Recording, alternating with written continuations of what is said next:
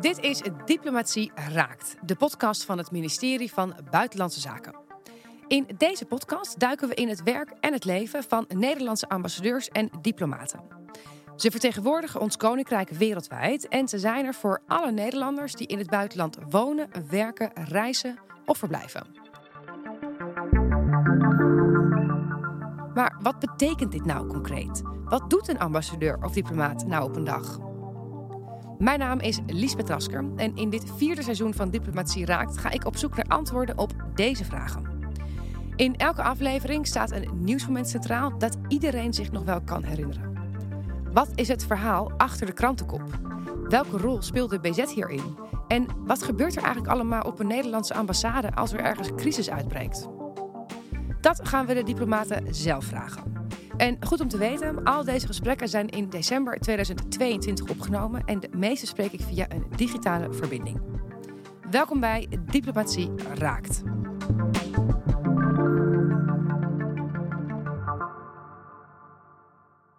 De Belgen zijn door de bocht. Betekent dat het handelsverdrag tussen Europa en Canada, CETA, is gered. De demonstranten zijn duidelijk fan van de Waalse koppigheid. Op de Nederlandse regering zijn ze daarom minder trots. Die heeft geen bezwaren tegen CETA of tegen de Amerikaanse variant TTIP. Twee fundamentele bezwaren tegen het handelsakkoord tussen de Europese Unie en Canada. Zo zou het CETA kunnen morrelen aan de milieu- en sociale normen van de Unie. In deze aflevering schuift Dirk Klaassen bij me aan in de studio in Amsterdam. Hij werkt al 19 jaar voor buitenlandse zaken en als diplomaat is hij uitgezonden geweest naar Pakistan, Marokko en Brussel. Nu zit hij op het ministerie in Den Haag. In zijn huidige functie hoofd handelspolitiek en investeringsakkoorden houdt hij zich onder andere bezig met handelsverdragen. Zo heeft hij ook gewerkt aan het handelsverdrag tussen Canada en de Europese Unie, oftewel CETA. Hij neemt ons vandaag mee in de wereld van handelsverdragen. Want wat houdt dat nou precies in? En wat betekent het concreet voor Nederland en Nederlanders? We gaan het hebben over het CETA-verdrag. Daarvoor gaan we helemaal bij het begin beginnen. Waar staat CETA voor?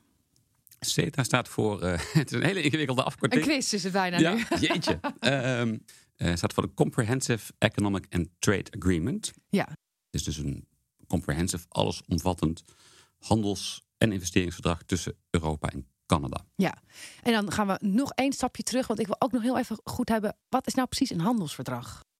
Een handels, ja, goede vraag, uh, want je hebt ze in allerlei soorten en maten. Mm -hmm. Maar de kern van een handelsverdrag is dat twee landen, uh, in het geval van Europa, de Europese Unie, twee landen, twee maken afspraken over handelstromen, over de voorwaarden waarop goederen, diensten van de ene markt uh, naar de andere markt uh, mogen gaan. Dus uh, tegen welke tarieven wordt er geïmporteerd, geëxporteerd, welke regels gelden, welke extra afspraken maak je daarbij. Sommige handelsverdragen zijn heel simpel. Er staat gewoon in van nou, we maken afspraken over tarieven op goederen. Sommige verdragen zijn heel breed. CETA is er daar eentje van, die gaat over goederen, maar gaat ook over diensten, over aanbestedingen, over milieu, over arbeidsrechten over investeringen. Uh, en vandaar het woordje comprehensive. Wat is dan jouw rol precies bij dit grote handelsverdrag? Ja, wij zijn natuurlijk. Ik werk voor Nederland. Mm -hmm. Nederland is een van de 27 lidstaten van de Europese Unie. Uh, wat wij niet doen is het onderhandelen van zo'n verdrag. Dat doet de Europese Commissie uh, namens de EU. Wat wij wel doen als Nederlandse diplomaten, dan in dit vakgebied, is die onderhandelingen proberen te, te, mee te sturen, te beïnvloeden. Dus dat begint met een onderhandelingsmandaat. Dat geven de lidstaten af aan de Europese Commissie om die onderhandelingen te voeren. Nou, dan letten we erop, staan daar de dingen in in dat mandaat die wij als Nederland belangrijk vinden. Als die onderhandelingen eenmaal beginnen, dan is eigenlijk de Commissie die praat met Canada. Uh, probeert die verdragtekst in elkaar te zetten, maakt allerlei afspraken over. Het is heel gedetailleerd van wat is het tarief op de uitvoer van racefietsen bijvoorbeeld. En wij als Nederlandse overheidsvertegenwoordigers proberen voortdurend uh, mee te sturen van nou, we zijn nu bezig met praten over tarieven. Voor Nederland zijn een aantal dingen belangrijk. Wij willen een aantal dingen graag in die tekst. Of als het gaat over duurzaamheidsafspraken, uh, vindt Nederland heel belangrijk. Dan proberen we echt steeds met de commissie mee te kijken. Wat voor soort tekstvoorstellen doen jullie? Wat vinden wij als Nederland erin belangrijk? Uh, en ook iets wat een indicatie geeft aan de commissie van nou, als dat straks terugkomt. Eh, is het voor Nederland wel of niet voldoende. Waar begon CETA? Wanneer begon dit? Wie initieert dit? De onderhandelingen zijn begonnen in 2009. Oké, Eigenlijk op, op verzoek van, van nou ja, zowel Canada als verschillende lidstaten. Die zeiden laten we eens proberen om onze handel eh, te verbeteren. Ook de regels die we hebben met elkaar te versterken. Mhm. Eh, we gaan onderhandelen over een handelsverdrag. ja. Dus op een gegeven moment zeggen beide partijen tegen elkaar: Goh, we kunnen best onze handel verdiepen, onze afspraken verbeteren. Laten we beginnen. Ja. Dat was in het geval van CETA in 2009. Ongelooflijk, dat is lang geleden. Lang geleden. Ja. ja. Ja, Nou, er is eh, een jaar of zeven onderhandeld. Ja. En toen kreeg je eigenlijk het hele eh, spannende moment. Dat was niet als heel spannend ingeschat van tevoren, maar dat bleek heel spannend te zijn. Van de ondertekening. ja. En toen bleek eigenlijk dat er toch, zeker in die laatste paar jaar, eh, van nou, zeg 2012 tot 2016, steeds meer weerstand was ontstaan tegen handelsverdragen. Als gegeven, zeg als maar. gegeven. Dus het, het, en die weerstand is heel breed. Het gaat van, goh, eh, het is oneerlijk, tot handel is slecht, want handel draagt bij aan milieuvernietiging, slecht voor arbeidsrechten en zo verder. Ja, Zorgen over voedselveiligheid, die waren heel erg toen, speelden heel erg bij, Ja. bij CETA. Nou, en die zorgen leidden eigenlijk in alle lidstaten tot een soort tegenreactie van, nou, willen we dit akkoord wel? ja. En dan zag je het sterkst in België, in eh, Wallonië, eh, waar het Waalse parlement eh, eigenlijk in oktober 2016 zei: wij kunnen niet met dit verdrag instemmen, zelfs niet met de ondertekening. En alle, alle lidstaten moeten goedkeuring En geven. omdat dit verdrag eh, heel breed, een heel breed verdrag is, waar ook afspraken in staan over bijvoorbeeld eh, investeringsbescherming, is het een zogenaamd gemengd verdrag. De lidstaten Gemengd worden verdrag. ook partij. Ja. Die komen al in het jargon. Ja, zo leren we wat.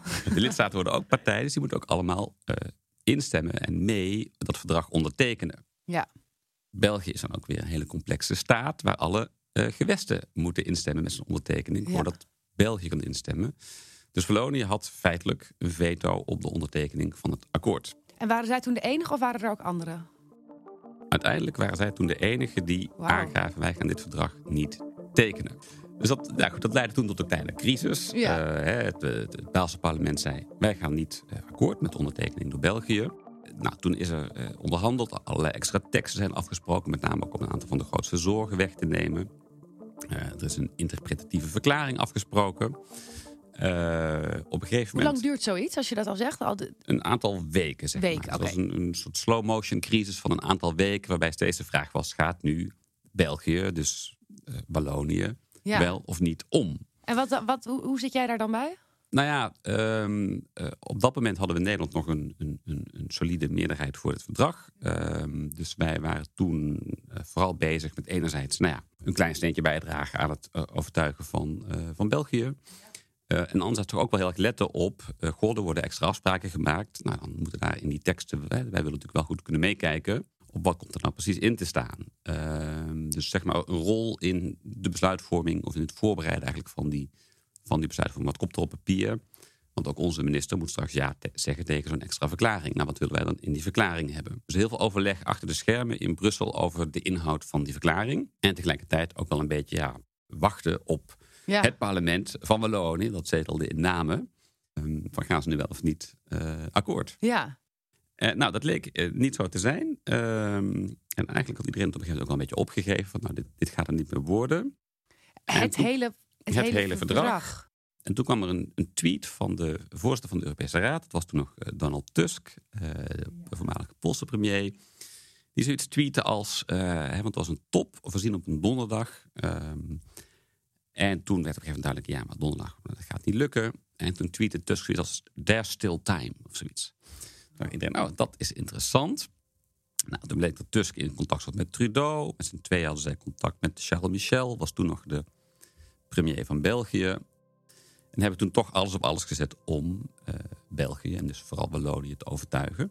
Eh, dat is uiteindelijk gelukt, mede dankzij die, die extra afspraken in die interpretatieve verklaring. Uiteindelijk heeft, ehm, heeft België op, op een, op een eh, donderdag of vrijdag gezegd: Nou, we kunnen toch eh, ondertekenen. Trudeau, die eigenlijk op donderdag zou vliegen naar Brussel, die is uiteindelijk op zaterdag naar Brussel gevlogen. En op een zondag hebben ze uiteindelijk toch dat verdrag eh, getekend.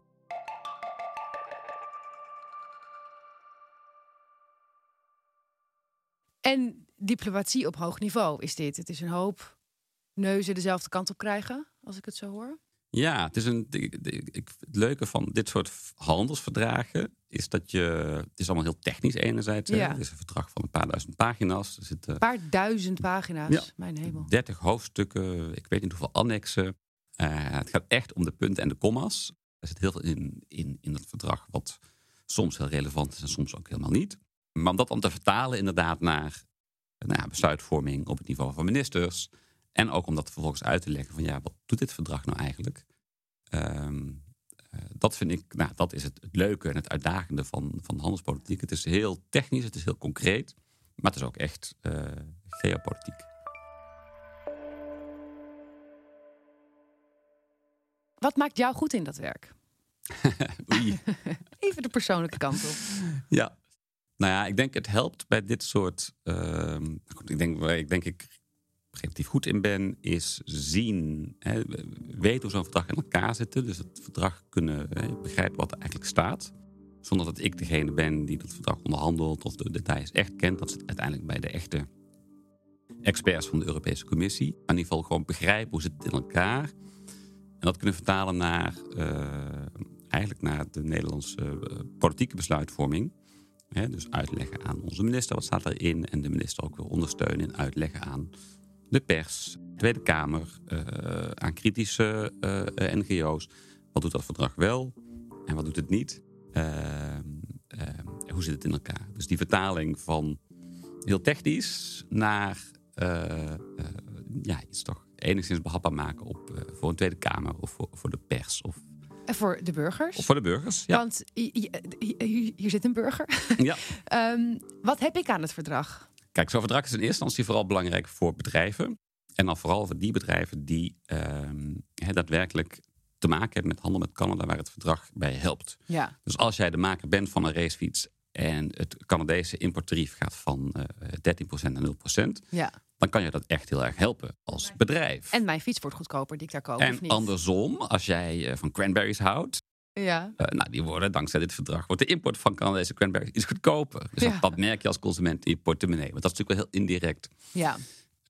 Dus uiteindelijk de mensen die er direct iets van merken zijn vooral diegenen die, die te maken hebben met, uh, met een import of export van een product wat echt baat heeft bij, bij CETA. Afspraken. Ja. Zeg maar. En wat is de status van CETA nu? De status is, nou, het is getekend in 2016. Uh, toen moesten alle, uh, toen heeft het Europese parlement ermee ingestemd in 2017. Uh, vervolgens is het aan alle lidstaten om het te ratificeren. En pas dan kan het formeel in werking treden. Nu wordt het voorlopig toegepast in afwachting van ratificatie door alle lidstaten en Canada. Ja, en ratificatie is het in werking stellen van... dat een, een land zegt, hè, Nederland, wij stemmen nu formeel in met dit verdrag. het kan voor ons in werking treden. En voor de goede orde, dat is nog niet gebeurd. Nee, want nee. we hebben nu 16 of 17 uh, nationale ratificaties. Dus er ontbreken er nog een stuk of 10. Ja. Nederland heeft het verdrag dit jaar geratificeerd. Nadat de Wel, okay, Eerste. Kamer instemde in juli. Ah, oké. Okay. Dus in Nederland hebben we een ratificatieproces gehad. Ja. Dat betekent in Nederland goedkeuring van de Tweede Kamer. Dat is gebeurd in 2020. Goedkeuring van de Eerste Kamer. Dat gebeurde in juli van dit jaar. En vervolgens dan ratificeert de regering uh, voor Nederland het verdrag. En ging dat uh, vlekkeloos? nou ja, dat was een. Uh, uh, beide stemmingen waren heel spannend. Ja. dus in 2020 was het spannend in de Tweede Kamer. En dit jaar was het heel spannend in de Eerste Kamer. Omdat veel partijen in de Eerste Kamer hadden gezegd: wij gaan tegen dit verdrag stemmen. En waarom gingen ze tegenstemmen? Nou ja, eigenlijk vanwege die zorgen waar we het nu een paar keer over hebben gehad. Dus dat, dat is, en dat zijn er een aantal. Ja, ik las er een paar inderdaad. Uh, inderdaad, Foodwatch heeft zich uh, flink uitgesproken. En ik zag ook een, uh, een, een opiniestuk van twee Kamerleden van Partij voor de Dieren. Die, die zeiden, CETA is er vooral om multinationals te beschermen. En juristen en hoogleraren die waarschuwen dat het verdrag in strijd is met de grondwet. En ervoor zorgt dat de Nederlandse rechter en het Nederlands parlement straks worden omzeild. Grote... Grote be beklacht, groot beklacht. Zeker. Ja. ja. Hoe nou kijk ja. jij daar dan naar als, als zoiets... Nou ja, er zijn ook precies de drie uh, punten die, uh, die we heel veel hebben gehoord in het, in het uh, debat. Ja. En nou ja, op al die punten, die zijn heel goed te weerleggen, inhoudelijk. Um, en dat hebben we ook proberen te doen. En daar hebben we natuurlijk ook heel erg de minister in ondersteund om dat te doen in, uh, in de Kamer.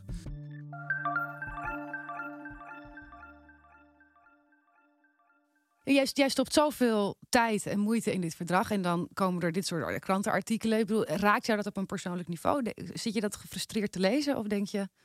Voel, uh... Nee, zeker niet frustrerend. Nee. Ehm, uh, het hangt natuurlijk ook een beetje vanaf van wie komt de klacht en hoe gegrond is die. En, ja. en uh, wat is de reactie op de tegenargumenten.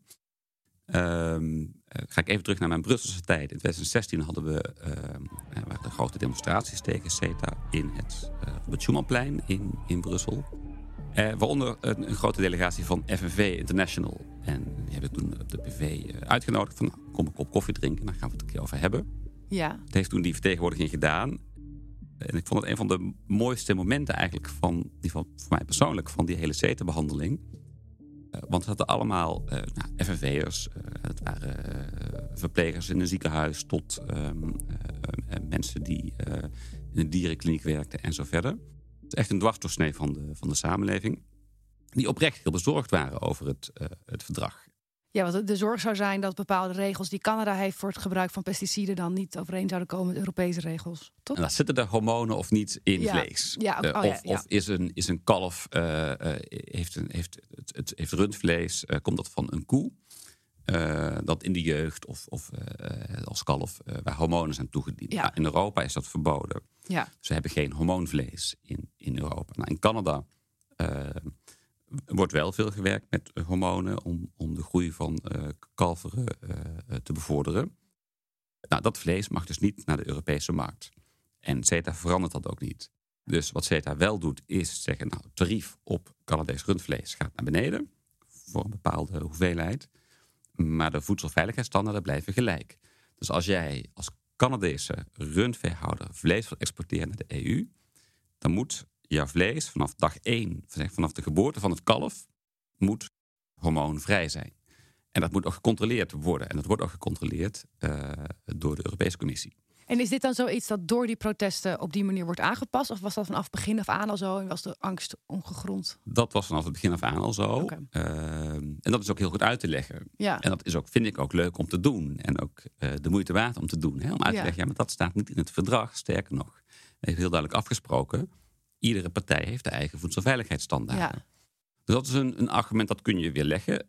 Maar er zijn ook zorgen over, uh, goh, uh, uh, betekent dit meer concurrentie voor onze boeren? Nou, in principe wel iets meer. Hè, dus als er meer uh, Canadees varkensvlees op onze markt komt, en dan is het dus ook iets meer concurrentie voor de Nederlandse varkensvleesproducenten. maar goed, die exporteren zelf ook. Ja. dus er gaat ook Nederlands varkensvlees naar Canada. Dus daar is het verhaal veel meer van, ja, um, hè, zeker de Nederlandse landbouw, die wint heel veel uh, bij internationale handel. Uh, maar dat wil niet zeggen dat, je, uh, dat iedere bepaling van ieder handelsverdrag voor jou goed uitpakt. Het is natuurlijk wel geven en nemen. Ja. Dus het nette resultaat is positief. Ehm, maar iets van pijn zit er, zit er wel in. Ja, en je, ja, je kunt je een beetje voorstellen welke partijen welke argumenten hierbij bij bekleden. Um, werkt het dan ook zo dat jullie dan specifiek met die partijen van tevoren een, een soort lobby opzetten? Of hoe, hoe, hoe, hoe gaat het in zijn werk? Hoe zorg je ervoor dat, dat die stemming in het voordeel van CETA uitvalt?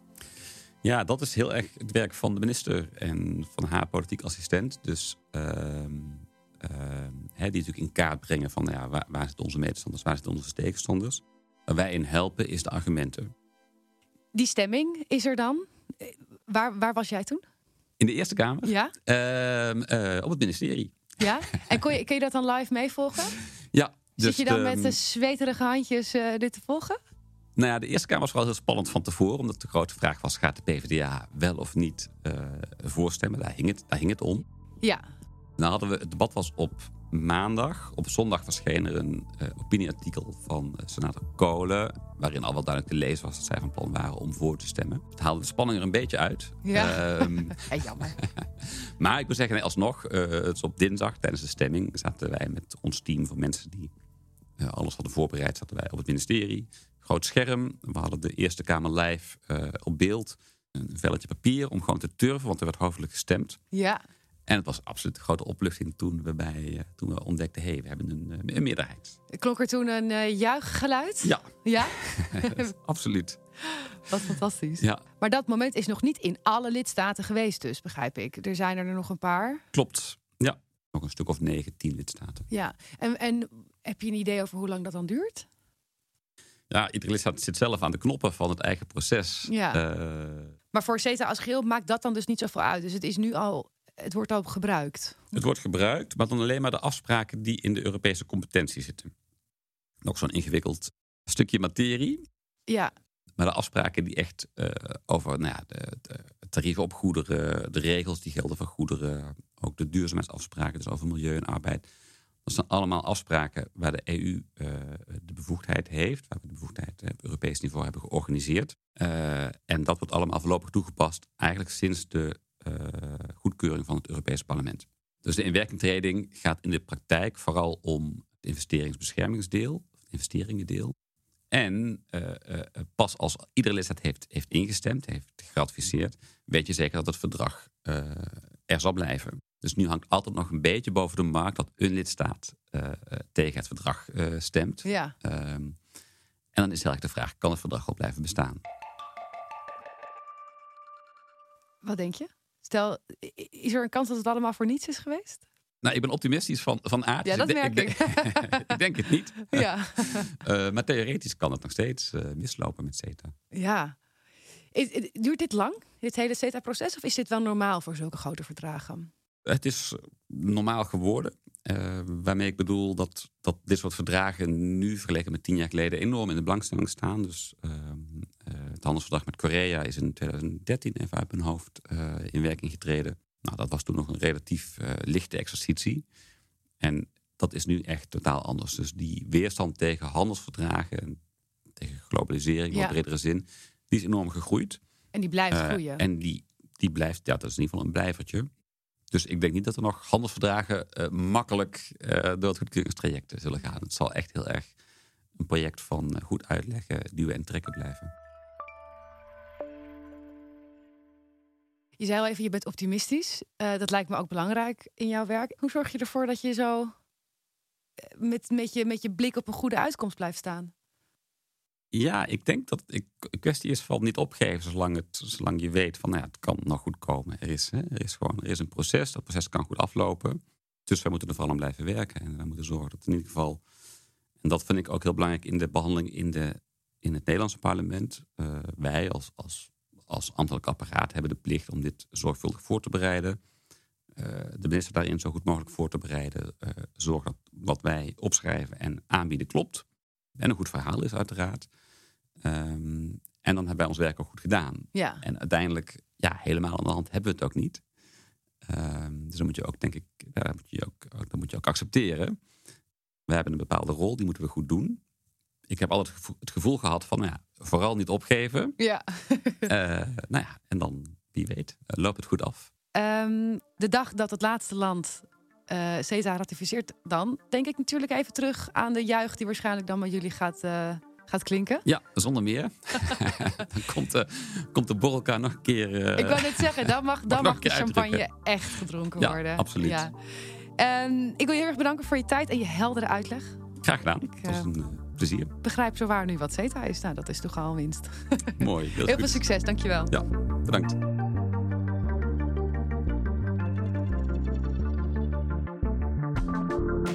Dit was Diplomatie Raakt, een podcast van het ministerie van Buitenlandse Zaken. Wil je meer weten over wat het ministerie en de ambassadeurs doen? Luister dan ook de andere seizoenen van deze podcast of ga naar www.rijksoverheid.nl/bz. Abonneer je nu zodat je de volgende aflevering niet hoeft te missen. Diplomatie Raakt wordt gemaakt in opdracht van het ministerie van Buitenlandse Zaken en is geproduceerd door Microphone Media. Het audiodesign is van Studio Cloak en mijn naam is Liesbeth Rasker.